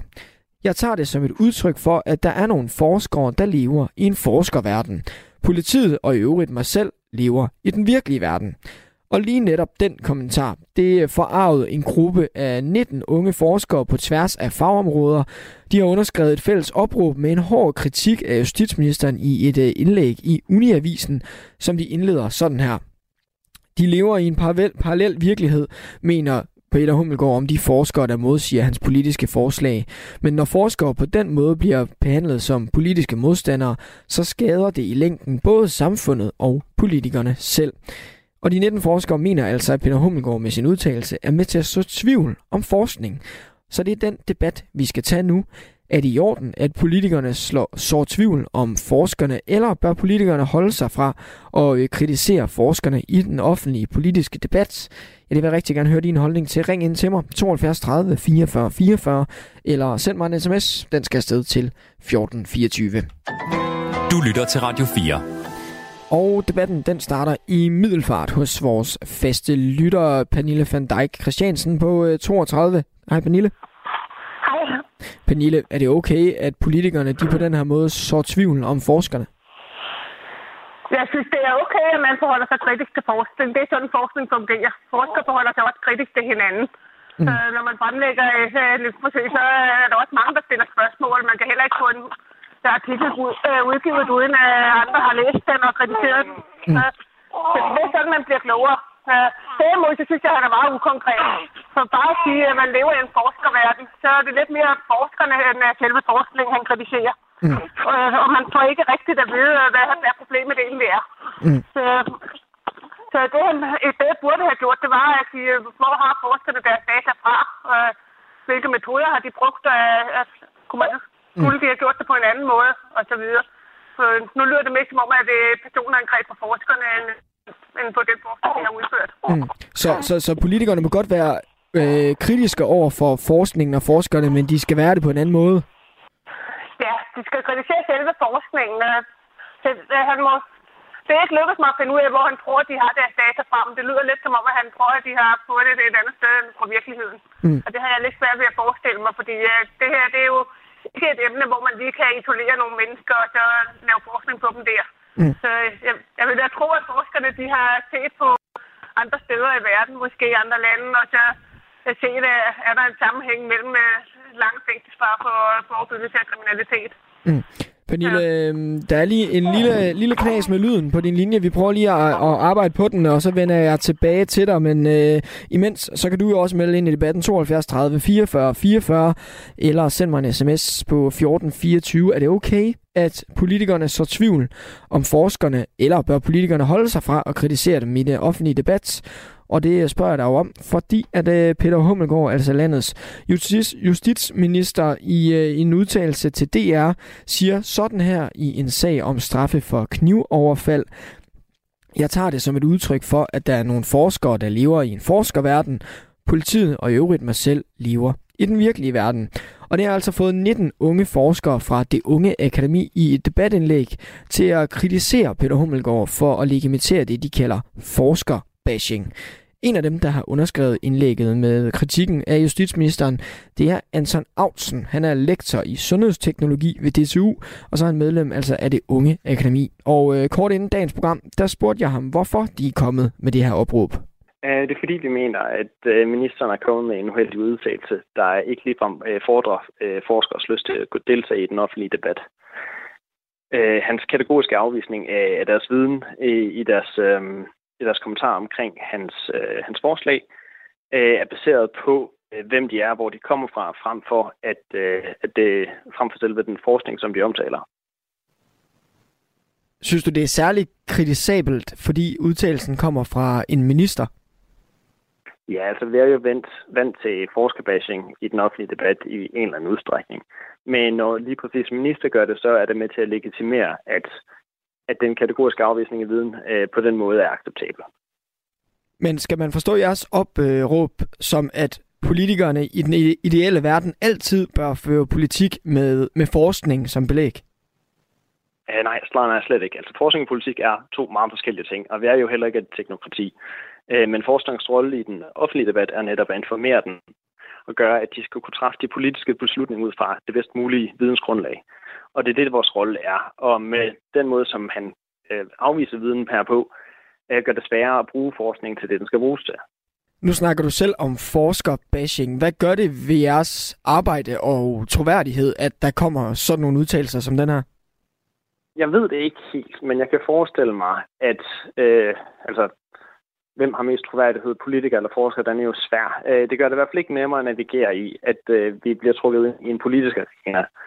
Øh, og det gør det i hele tiden sværere ja, at kommunikere forskning som budskab. Men der vil jo nok også sidde nogen og tænke, at jamen, man kan jo finde forskning, der siger alt muligt, og øh, også tit forskning, der siger to forskellige ting om den samme sag. Øhm, har politikerne ikke også en ret til at ja, et ansvar for at forholde sig kritisk til det, I forskere siger? Det er forskningens natur, at den skal modarbejde sig selv hele tiden, og det er sådan, den bliver skærpet og bedre. Og den er på ingen måde perfekt. Øh, men det er det bedste, vi nu engang har til at forstå øh, verden, som der, øh, der er omkring os. Og jo, det er også politikernes ansvar at prøve at navigere den her uperfekte viden og træffe de korrekte beslutninger. Helt okay ikke at bruge forskningen til at træffe øh, politiske beslutninger, men man skal informeret om, hvad for et vidensgrundlag man gør, øh, man, man har, når man træffer den, så man kan træffe forhåbentlig den bedst mulige beslutning. Så det er helt konkret det her med, at ministeren går ud og ja, hvad kan man sige, langer ud efter jer øh, forskere. Det er det, der er problemet, og ikke så meget det, at, at de måske ikke lytter til forskningen. Uh, altså, de vil selvfølgelig gerne lytte, uh, men i hvilken udstrækning de skal tage det med, det er et politisk valg. Uh, men det er måden, som man gør det på i det her tilfælde. Og jeg vil sige, at i det hele taget, så er det ikke, at det politiske Danmark er så stykket til det, som man ellers ser andet sted i verden. Og det er også derfor, at, uh, at det er noget, der er værd at værne om. Uh, og også derfor vi særligt så på vej af, at, øh, at lige præcis den her kommentar her, den er så, øh, jamen den er lidt, øh, den er lidt apart, fordi sådan plejer det ikke at være. Ja, hvad, hvad gør den apart? Øhm, den er, skal man sige, den er meget hård i klinten. Øh, at, og den er meget rettet mod de her øh, få forskere ret specifikt. Øh, og det er det, at den er så konkret rettet mod forskerne, øh, og at de er leve af den her forskervirkelighed. Øh, det, det bare lidt ved siden af, øh, hvordan at øh, forskere ellers undviger at skulle øh, inddrage viden for meget, hvis det, er, det, ikke, øh, det ikke passer dem i forhold til et specifikt øh, forslag. Men kunne, kunne I ikke bare have, have ja, faret det her ind under gulvsæppet for at bruge et, et citat fra den politiske verden? Kunne I ikke bare have sagt, ved hvad, han har sagt det her i pressen, er citeret for det her, ved hvad, det må vi, det må vi lige sidde og overhøre i og fortsætte vores arbejde? Om det ikke kunne vi sagtens have gjort, og det er også absolut nemmeste bare at stikke snuden i sporet og passe sin forskning og sin undervisning. Øh, men netop når den stikker så meget ud, så er det også en øh, fremragende mulighed for netop lige at vinde igen, hvad er det forskningens rolle er i politik, øh, og hvad er det funktion, som universiteterne også har, fordi de er netop også en øh, samfundsstøttende, øh, hvad skal man sige, organisation, det kan man nok ikke kalde det, men vi er, hvad hedder det, samfundsstøttende i, at vi er med til at informere den offentlige debat. Og med den udsættelse her, så er det værd at slå på trum for, at, øh, at sådan skal det gerne blive ved med at være. Men når I som øh, forskere blander jer i den offentlige debat og i den politiske debat, skal I så ikke også være klar på at blive mødt med, med politiske argumenter og ikke kun forskerargumenter? Jo, naturligvis, men altså, det er jo ikke en debat, der egentlig som så vidt skal tages med forskerne eller imod forskerne. Forskerne skal jo netop bare informere debatten. Den politiske debat skulle gerne ligge hovedsageligt politikerne imellem. Har I tænkt jer at, at tage sagen videre? Altså nu har I jo skrevet det her debatindlæg med, med 19 unge forskere fra det unge akademi. Altså har I tænkt jer at, at, at tage dialogen med nogen inde på Christiansborg og sige, hey, I er nødt til at øh, ja, tale til os på en bedre måde, eller om os på en bedre måde? Øh, jeg er helt sikker på, bare med den medieomtale, som vi allerede har fået, at, øh, at det er noget, de er blevet mere opmærksom på. Øh, Og jeg synes heller ikke, at det er en generel tendens. Øh, men lige når det kommer fra en minister, er det noget, vi bliver nødt til at, at slå ned på. Øh, så overordnet set, så synes jeg, at vi har fået noget meget fornuftigt ud af det her indlæg. Og det har været rigtig fint, at, øh, at vi kunne øh, gøre opmærksom på netop forskningsrolle i politik. Så det er ikke fordi, at I forskere er sarte? det synes jeg ikke.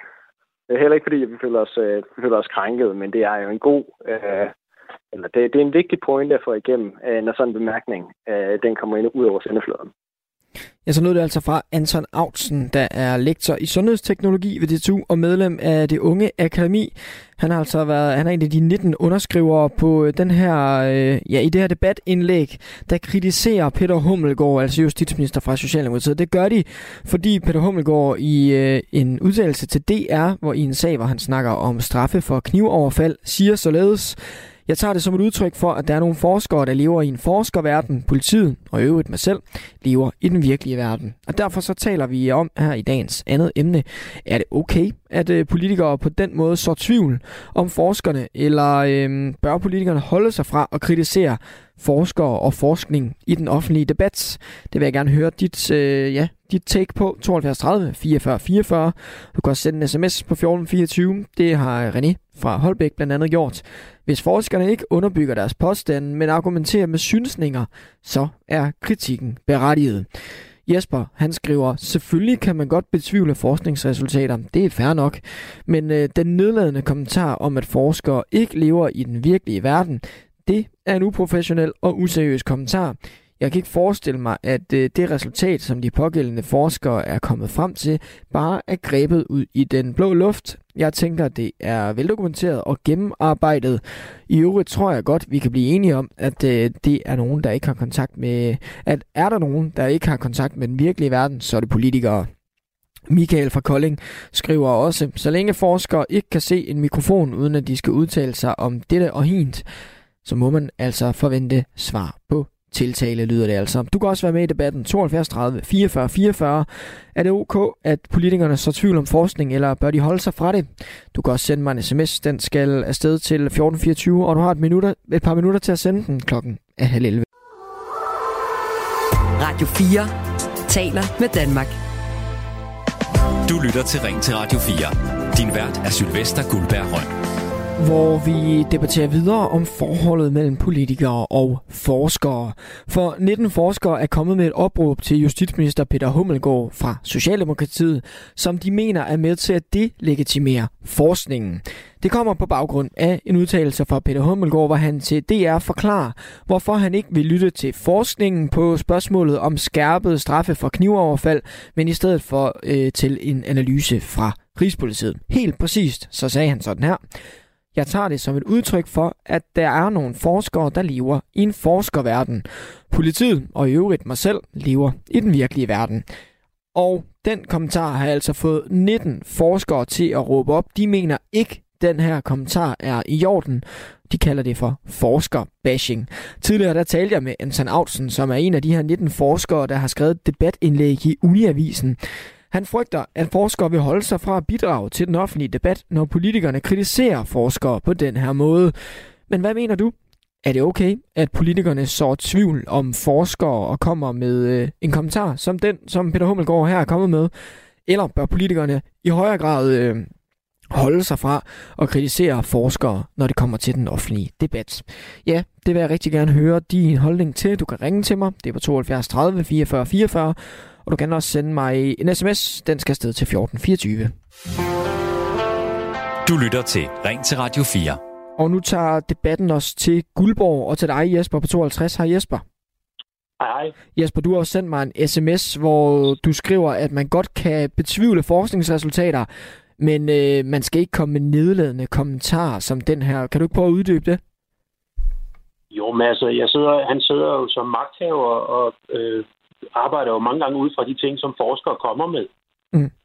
Øhm, og der er jo ikke noget forkert i at betvivle forskere, men jeg synes bare, at den kommentar, han kommer med, den er jo totalt uprofessionel og useriøs. Altså, at de ikke lever i den virkelige verden, det gør han. Det, er der så nogen, der ikke lever i den virkelige verden, så tænker jeg, så er det nok politikere.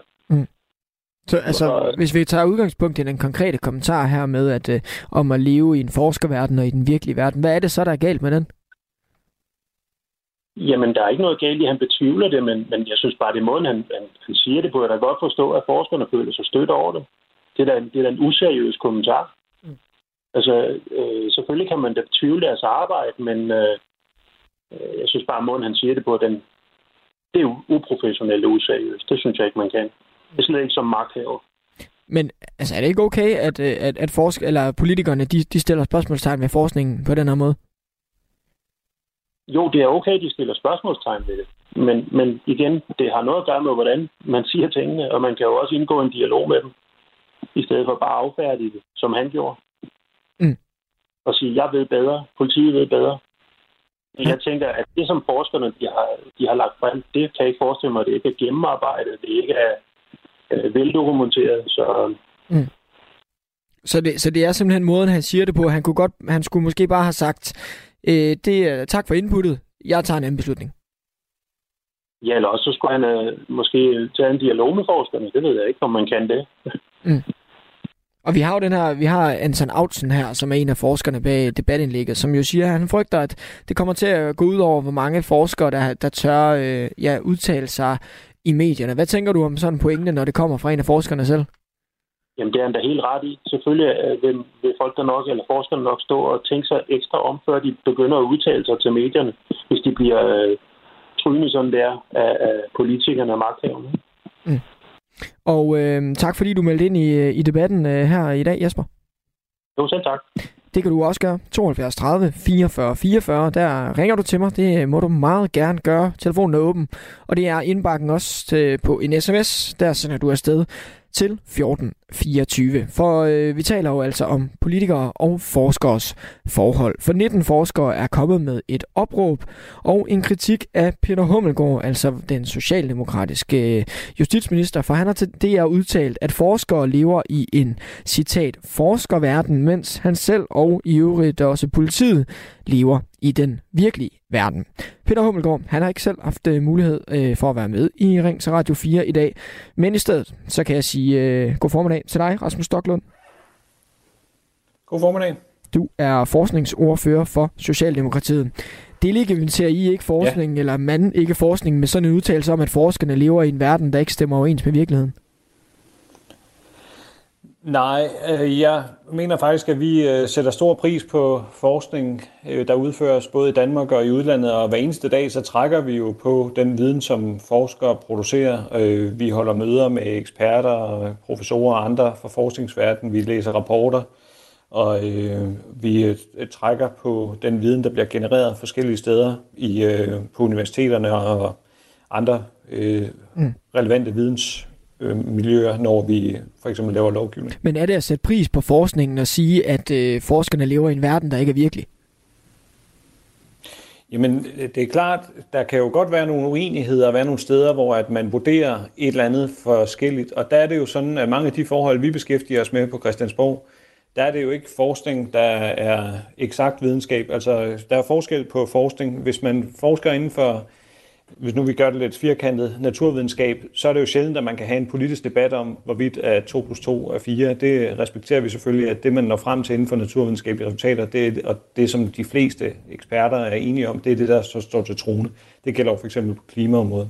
Men når det så er et samfundsvidenskabeligt spørgsmål, hvor at, øh, der altså også er uenighed blandt forskere, og hvor det i høj grad også er et spørgsmål om, hvad man synes er retfærdigt eller rimeligt, eller fornuftigt, øh, sådan ud fra sådan mere holdningsmæssigt, så øh, kan der jo godt være en uenighed med nogle forskere, fordi alt, det er ikke altid helt tydeligt, hvornår det er en, en mm. forsker, kasketten, man har på, og hvornår det er ens øh, private holdninger, man har på, når det er spørgsmål, som ikke kan slås op i en tabel, og det kan samfundsvidenskabelige spørgsmål øh, selvfølgelig ikke. Men hvorfor ikke bare sige, øh, vi har truffet en anden beslutning, eller vi lytter mere til politiet i den her sammenhæng? Hvorfor ikke bare sige det, i stedet for at på den måde sige, vi lever i en virkelighed, i en virkelig verden? Det gør I forskere ikke. Jamen, jeg har ikke noget behov for at gå ind i nogle konkrete enkeltsager og give karakterer til kolleger og sådan noget, men jeg øh, ved øh, helt overordnet, at den her sag, der henviser Hummelgaard jo til, at han lytter til politiet, og det er så noget af det, han er, er også blevet kritiseret for, at, at der er nogen, der mener, at det er forkert, det øh, man har besluttet at gøre fra regeringens side. Men der er det jo altså Rigspolitiet, mm. der har øh, gjort sig nogle erfaringer, og det er så dem, han baserer sig på. Har du selv sagt det her? Jamen det tør jeg ikke sige. Jeg har ikke øh, kendskab til det der konkrete forløb, og jeg vil heller ikke gå nærmere ind i det. Jeg øh, giver aldrig karakter til mine kolleger. Mm. Nu hører vi jo fra de her 19 forskere, der frygter, at øh, sådan nogle udtalelser som den her, den kan leve i en, øh, altså om forskere, der lever i en forskerverden, det kan afholde forskere fra at bidrage til debatten. Er det ikke et problem, hvis forskere ikke øh, tør bidrage med deres viden eller ikke har lyst? Jo, hvis det var rigtigt, så var det et problem, men det mener jeg ikke er rigtigt. Altså, jeg har hørt den type advarsler før, og, øh, og, og jeg har lidt svært ved at genkende, at det skulle holde i virkeligheden. Og jeg mener også, at man må jo også som forsker øh, være meget tydelig omkring, hvornår man udtaler sig om sine forskningsresultater, hvornår man udtaler sig om noget, mm. som er mere holdningsmæssig karakter. Det har jeg selv oplevet ofte, da jeg var udlændingeordfører, at der var øh, folk, som brugte deres forskertitel i udlændingedebatten til at argumentere for, at der ikke var integrationsproblemer, og øh, når man så øh, prøvede at dokumentere med statistikker, at der faktisk var nogle integrationsproblemer, så, så blev det lidt svært at, at komme videre, fordi øh, det, var jo, det var jo tal fra Danmarks Statistik, som var mm. svære at, at betvivle. Mm. Men, men der synes jeg, at, at forskere jo også har en pligt til at gøre det tydeligt, hvilken kasket de har på, at hvornår er det deres personlige holdninger, og hvornår er det deres forskning, de udtaler sig på baggrund af. Men har du belæg for at kalde forskerne for politiske eller have politiske motiver?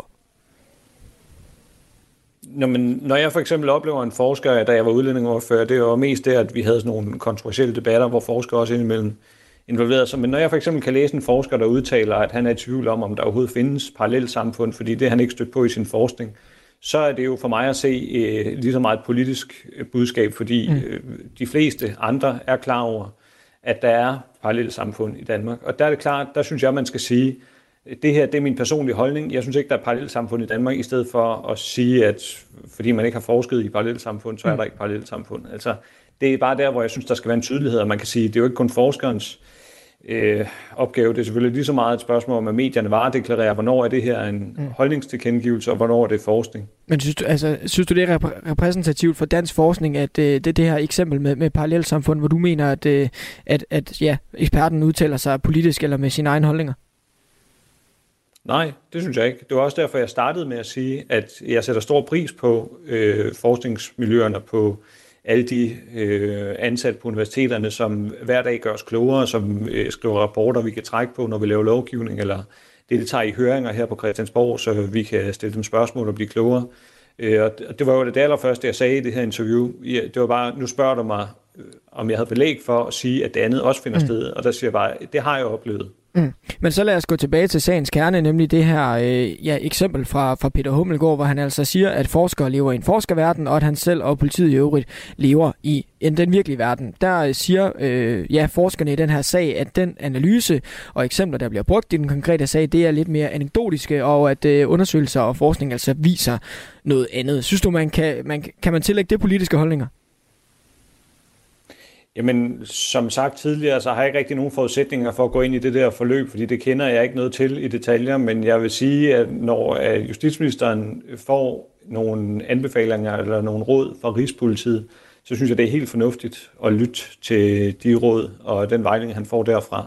Mm. Og jeg vil også sige, at det er ikke sådan, når det er samfundsvidenskabelige spørgsmål, der diskuteres, at man så får et entydigt svar fra forskningsverdenen altid. Altså det, der vil ofte være også forskellige vurderinger, og, og så vil der jo også være, når man skal træffe en politisk beslutning, noget, der ikke handler om alene, hvad øh, man mener i forskningsverdenen, men også et spørgsmål om, hvad man mener er rimeligt og retfærdigt. Mm. Og som sagt, så kender jeg bare ikke den her konkrete sag godt nok til, at jeg vil gå nærmere ind i den.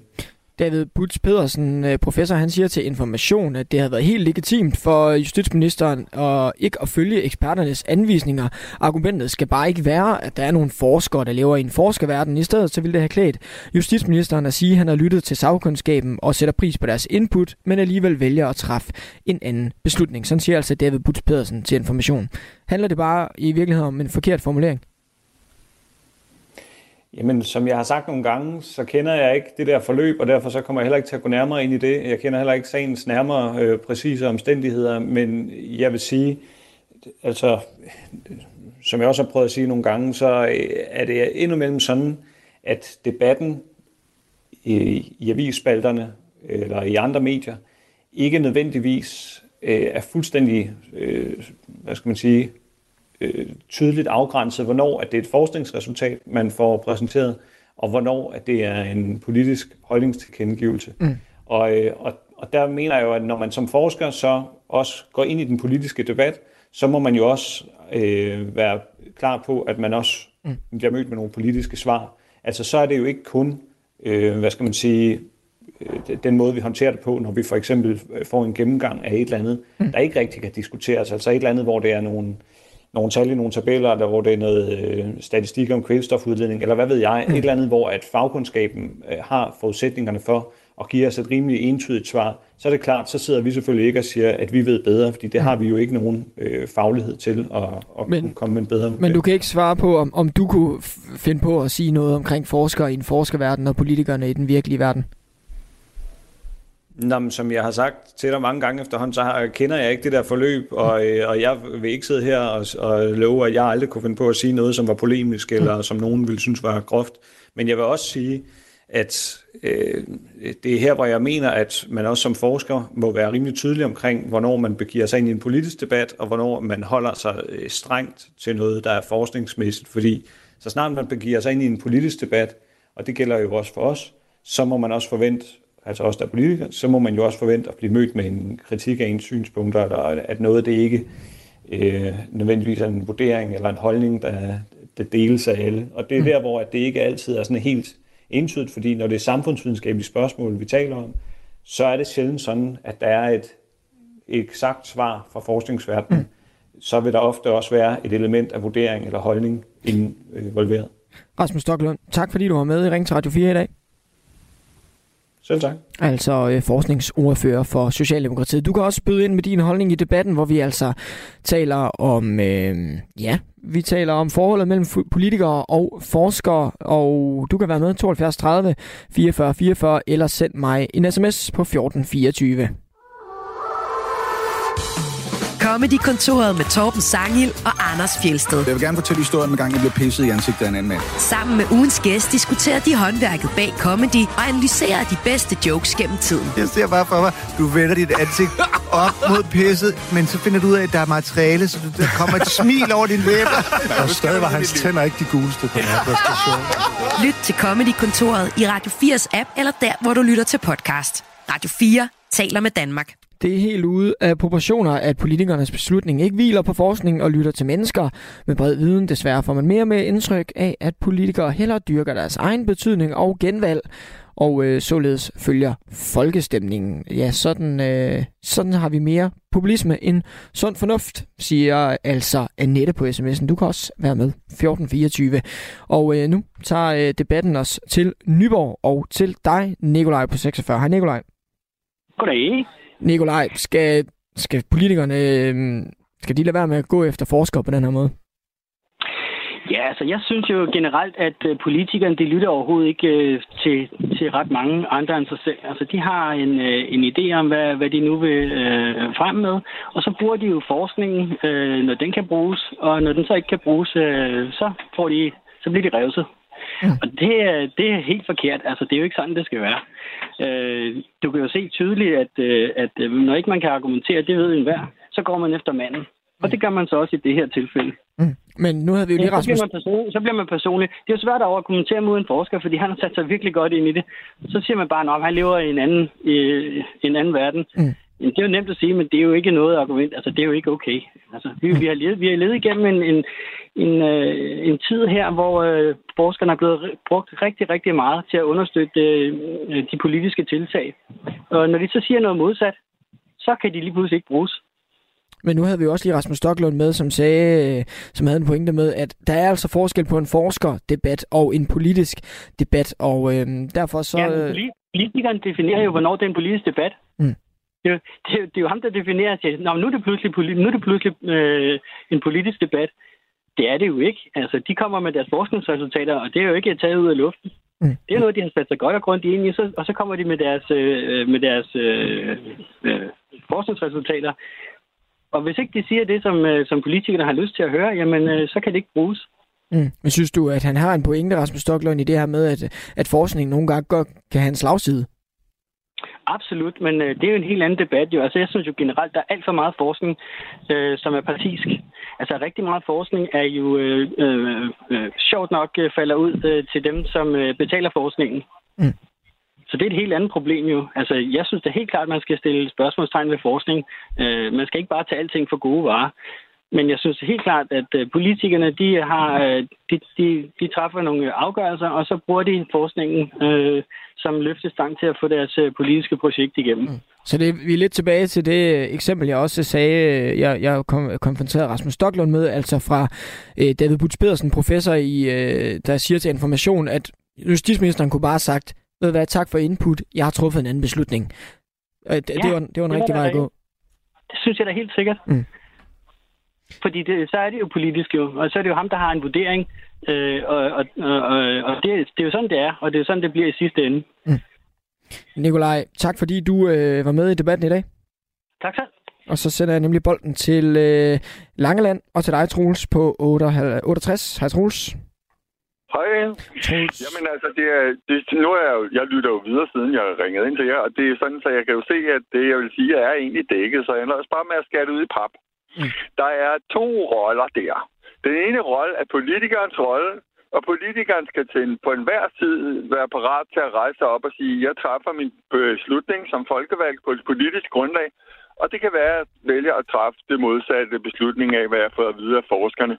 Det skal man kunne gøre med ret ryg, og uden at gå til modbydelige lave personangreb, sådan som justitsministeren har gjort. Og mm. jeg synes jo også, at det er for slapt af Rasmus Stockland, at han ikke er i stand til at se lige præcis det, og faktisk erklære, at det vil jeg ikke gøre. Han siger, at måske siger jeg sådan. Det synes jeg er for slapt. Mm. Som politiker, så må man sige, Jamen, jeg er politiker, og jeg har hørt, hvad jeg har sagt. Det er jo også blevet sagt før, det kunne jeg høre på det, jeg har hørt. At, øh, at jeg har hørt, hvad jeg har sagt, men jeg vælger, fordi jeg har et større perspektiv som politiker at træffe en anden beslutning. Hvis man holder sig til det, og forskerne, de kan så... Øh, øh, komme med deres input. Og til det der med, at forskere kan være politiske, der er det jo meget nemt at afværge. Mm. Fordi hvis der er en forsker, som for eksempel siger, jamen, min forskning viser ikke, at der er parallelt samfund, som det blev nævnt, Men... så kunne man bare sige, jamen, vil du være venlig at, at vise den forskning, som underbygger det her, så skal jeg tage stilling til det. Men Troels, skal de her forskere ikke også være i stand til at kunne tage noget kritik og tage noget, ja, tage nogle havl? Altså, det er jo alligevel ret store og vigtige beslutninger, som de er, øh, ja, som de har indvirkning på. Altså, jeg synes alt det der med, altså, det, det bringer mig til et andet perspektiv, som er større. Jeg mm. synes ikke, vi skal opdyrke folk, som skal være hårdhude, og som skal tage modbydelig tilsvinen. Fordi det får vi et ringere samfund af. Man skal rette savlig kritik, og det gælder både mod politikere og mod forskere. Alt det med, at man skulle tage havl, det er noget vrøvl.